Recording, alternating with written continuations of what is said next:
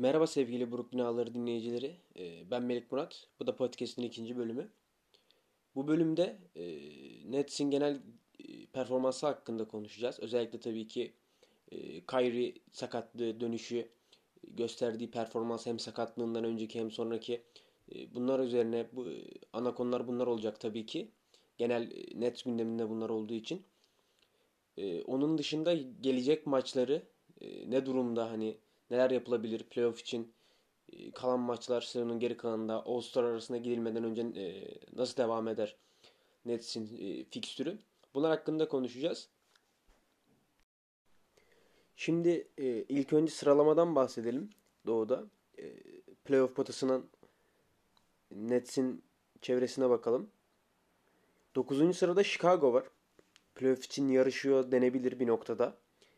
Garip de gözükse. Evet bence de bana da garip gelmişti.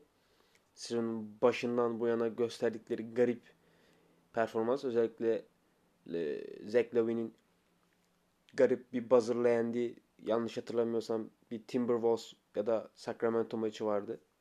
Neyse 9. sırada Chicago Bulls var. E, 19 galibiyet 32 mağlubiyetle. Playoff potasının hemen dışındalar. E, önlerinde Orlando var. Orlando Magic. Onu, onları kovalıyorlar. E, onların da 21 galibiyet 27 mağlubiyetleri var. 8. sırada. Hemen üstlerinde 7. sıradaysa biz varız. Nets. E, bizde 21 galibiyet 26 mağlubiyet. Sadece bir mağlubiyet daha az almışız. E, Orlando Magic'ten. Galibiyet sayıları eşit. Burada bir kopma gerçekleşiyor. Geçen sene aynı şekilde olduğu gibi. Geçen sene öndeki bir beşli blok e, kopmuştu. Bu sefer altılı bir blok daha ligin yarısından koptu. E, bu blokta işte hemen önümüzde 6. sırada Philadelphia var. Ama aradaki galibiyet farkı 10. Onların 31 galibiyeti var. Yani yetişmek işte Philadelphia'ya, Indiana'ya, işte Toronto'ya, Boston'a ya da ya da Miami'ye e, yani ne derece gerçekçi bir hedef tartışılır orası. Ama yine de tabii sonuç olarak daha oynanacak çok maç var. Ben de diyorum belki bir altıncılık. Hani o öndeki yani sonuçta bu blok altılı bir blok yani dağılabilir aslında. Tabii ki öyle bir şey istemeyiz ama bir sakatlık olur, bir ceza olur ya da bir form düşüklüğü olur. Aralarından bir takım alttaki bloğa yaklaşırsa e, altıncılık ya da beşincilik el değiştirebilir. Yani alttan gelen bir takım bunu alabilir.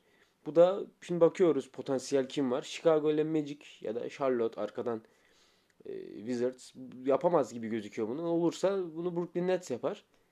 E, tabii ki zor. Gerçekçi gelmiyor şu an bunları konuşurken ama olabilir. Sezonun sonuna e, normal sezonun sonuna yaklaşırken buna bakacağız. E, Philadelphia'nın hemen üstünde işte dediğim gibi e, Indiana Pacers var. Onların da 31 galibiyet. Sadece e, bir mağlubiyet daha az e, almışlar Philadelphia'dan. E, şimdi bunlara bakınca yani çok da korkmuyor aslında taraftar hani arkamızdaki takımlar çok kötü. Biz onları onlardan daha iyi takımız. Çok da galibiyet alamazlar diye düşünüyor. Tabii ki playoff garanti gözüküyor ama kimle karşılaşacağınız önemli yani. Birden ikiden kim girecek onlar önemli tabii ki. Onlar sonraki bölümlerde normal sezonun e, bitimine doğru ya da bit bitişinde konuşacağımız konular. Şimdi şu mevzuya bir dönmemiz gerekiyor. Kyrie'nin sakatlığı ve sakatlıktan dönüşü. Kyrie'nin şu anki ortalamaları e, 28.3 sayı ve 6.5 asist. E, aldığı süreler oynadığı maçlarda evet yüksek. Yani 30 dakikanın üstünde. Ama tabii çok da yüksek değil. 30-32 dakika e, dolaylarında olması. Ama şöyle bir nokta var. Sadece 20 maç oynadı bu sezon. Ya 19 da olabilir. Yanlış hatırlamıyorsam. 19'du diye hatırlıyorum. Adam 19 maçta 500 sayı barajına geçti. Bunda en erken başaran oyuncu oldu. E, franchise tarihinde. Dünkü Chicago maçında 54 sayı attı. 5 rebound, 5 de asisti var.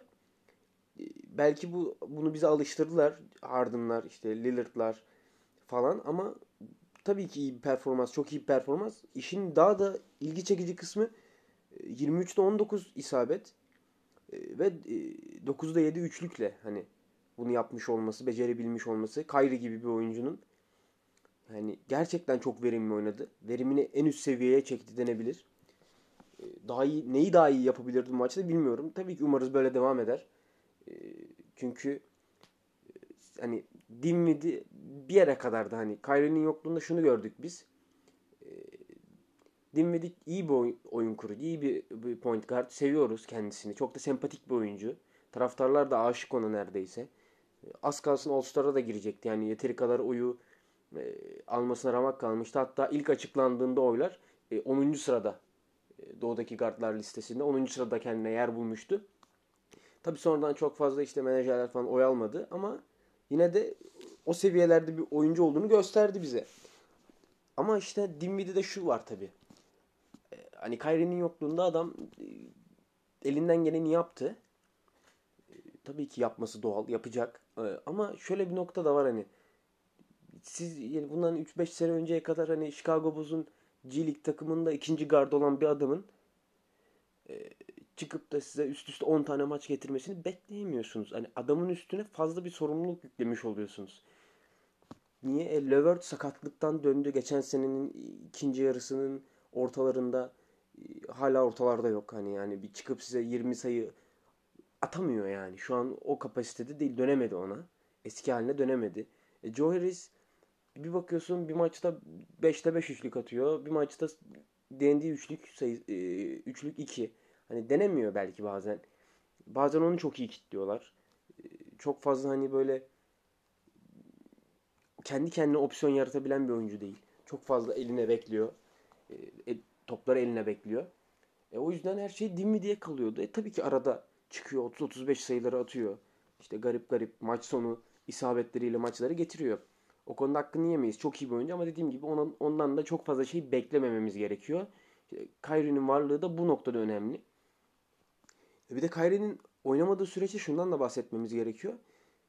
Taraftarlar olarak şunu unutmasın kimse. Biz işte Kyrie, Kevin Durant ve DeAndre Jordan takaslarında geçen sene bizi biz yapan hani takımı takım yapan o bench'imizi yok ettik. Bunu bir kere aklımıza e, sokmamız gerekiyor. Hani eskisi gibi bir bench kalitemiz yok. Sadece Dinwiddie'den ibaret bench neredeyse artık. E, bunu bir bir kere herkesin kabullenmesi gerekiyor. E, bir ikinci nokta Musa'dan çok şey bekliyorduk. Adam oyuna aldığı süreleri yani olabildiğince kötü kullandı. Daha kötü kullanılamazdı. İkinci bir nokta hatta üçüncü bir nokta özür dilerim. E, şu var. Rodions Kurut. Şimdi bu adam geçen sene garip garip maçlar çıkarttı. Çok iyi oynadığı oldu. Dibi gördüğü oldu. Ee, bir ara böyle bir istikrarlı götürdü falan. Neyse ama bu senenin başındaki e, yargılanma süreci oldu. İşte kız arkadaşıyla alakalı bir kavga durumları falan oldu. Ondan sonra belli ki kendisini toparlayamadı. Çünkü gerçekten çok kötü oynuyor. Aldığı geçen sene aldığı hani rookie senesinde aldığı süreleri alamamaya başladı. Buna ek olarak e, bakıyoruz hani işte Theo Pinson vardı. Kyrie'nin yokluğunda Dinwiddie ilk 5'e çekilince o bir ikinci gard olarak oynuyordu. Adam yokları oynuyor. Hiçbir şey öğretemiyor. Hani yani bakıyoruz yapacak hiçbir şey kalmıyor geriye. Mesela e, Tauron Prince oynuyor. Tabi ilk 5'te o. E, baktığımız zaman adam çok istikrarsız üçlük atıyor. Yani Tamam şut özelliği var. Atabiliyor, atamıyor değil. Ama yani çok istikrarsız. Yani çok hatırlıyorum ben 10'da 2, 12'de 3 attığı böyle garip garip e, şutlar deniyordu aslında. Adam eline alınca deniyor, çekinmiyor. Ama şunu da hani kabullensin o da. Tabii ki ben ne kadar duyacak, dinleyecek orası meçhul. Ama yani bu kadar denemesine gerek yok. Elinde patlıyor sonra toplar. Kötü kötü istatistikler çıkıyor ortaya. Maç kaybediyoruz. Ee, ondan sonra şundan da bahsetmeden geçmeyelim oyuncuları konuşurken. Jared gelişimi e, bence hepimiz görüyoruz. Adam harbiden kendini çok geliştirdi. Ve tabii ki size olarak da geliştiğini ben görüyorum. Ee, üst gövdesi özellikle. Ee, yani o gelişim gerçekten takdire şayan. Hücumda biraz daha verimli olmaya başladı. Yine tabii ki tam istenilen seviyede değil. Ama geçen seneye göre biraz daha hücumda iyi. Özellikle guardlarla çok iyi anlaşıyor. Hem Kyrie ile hem Spencer Dinwiddie ile. E, ikili oyunları çok iyi bitiriyor. Onun dışında çok cesur. Hani Evet biz hep görüyoruz işte süperstarları blokluyor. işte smaçları blokluyor. Gober'i blokladı işte. Geçen seneden Griffin'i hatırlıyoruz. İşte Antetokounmpo'yu, LeBron'u hatırlıyoruz. Blokla evet ama buradaki nokta becerisinden öte cesur olması. Niye cesur olması? Çünkü e, bir o kadar da posterlere ne yazık ki e, kurban gidiyor kendisi. Ama cesur olması bence çok güzel bir nokta. Hani korkmuyor yani. İşte yok işte benim üstümden smaç vurulur. Hani işte postere kurban gideriz. Bunu düşünmüyor. Cesur. Bu noktada kendisine hayran. Kendisine tebrik ediyorum gerçekten.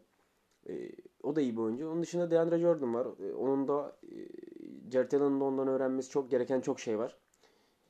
O da iyi bir e, center tabii ki. Biliyor senelerdir ligde.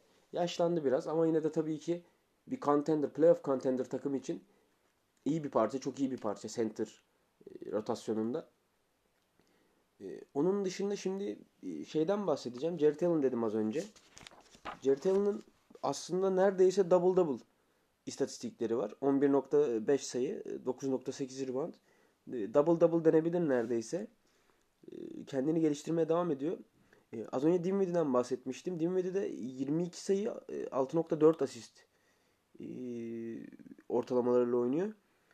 Yine az önce bahsettiğim Joe Harris'e baktığım zaman da geçen sene ligin e, en yüksek yüzdeli şütörüydü bildiğiniz üzere. Tabi All-Star'da üçlük yarışmasını da kazandı. Curry'i geçip. %40.8 e, e, üçlük yüzdesiyle oynuyor.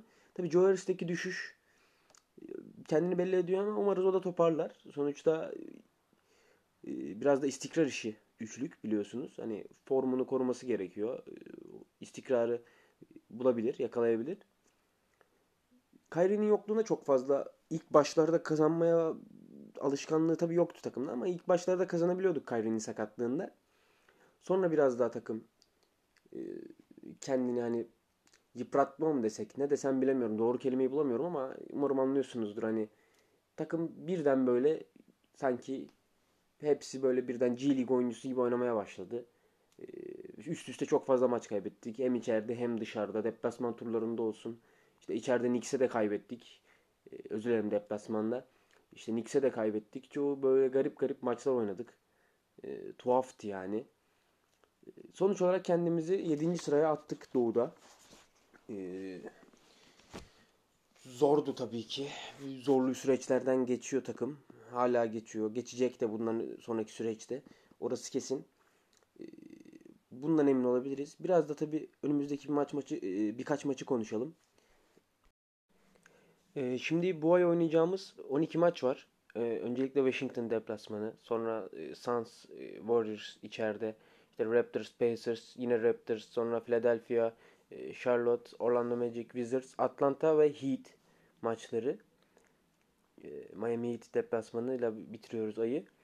Bu saydığım 12 maç çok kritik bir süreç.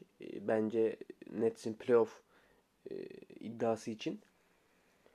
Bana kalırsa bu 12 maçtan 8 e, galibiyet, 4 yenilgiyle çıkması en gerçekçi mi bilmiyorum ama bence gerçek e, gerçekliğe yakın bir sonuç olur. Yani 8 galibiyet, 4 e, mağlubiyetle bitirirse bu ayı Brooklyn Nets. Ve şöyle bir durum var. Yenilebileceğimiz 4 maçı şöyle görüyorum.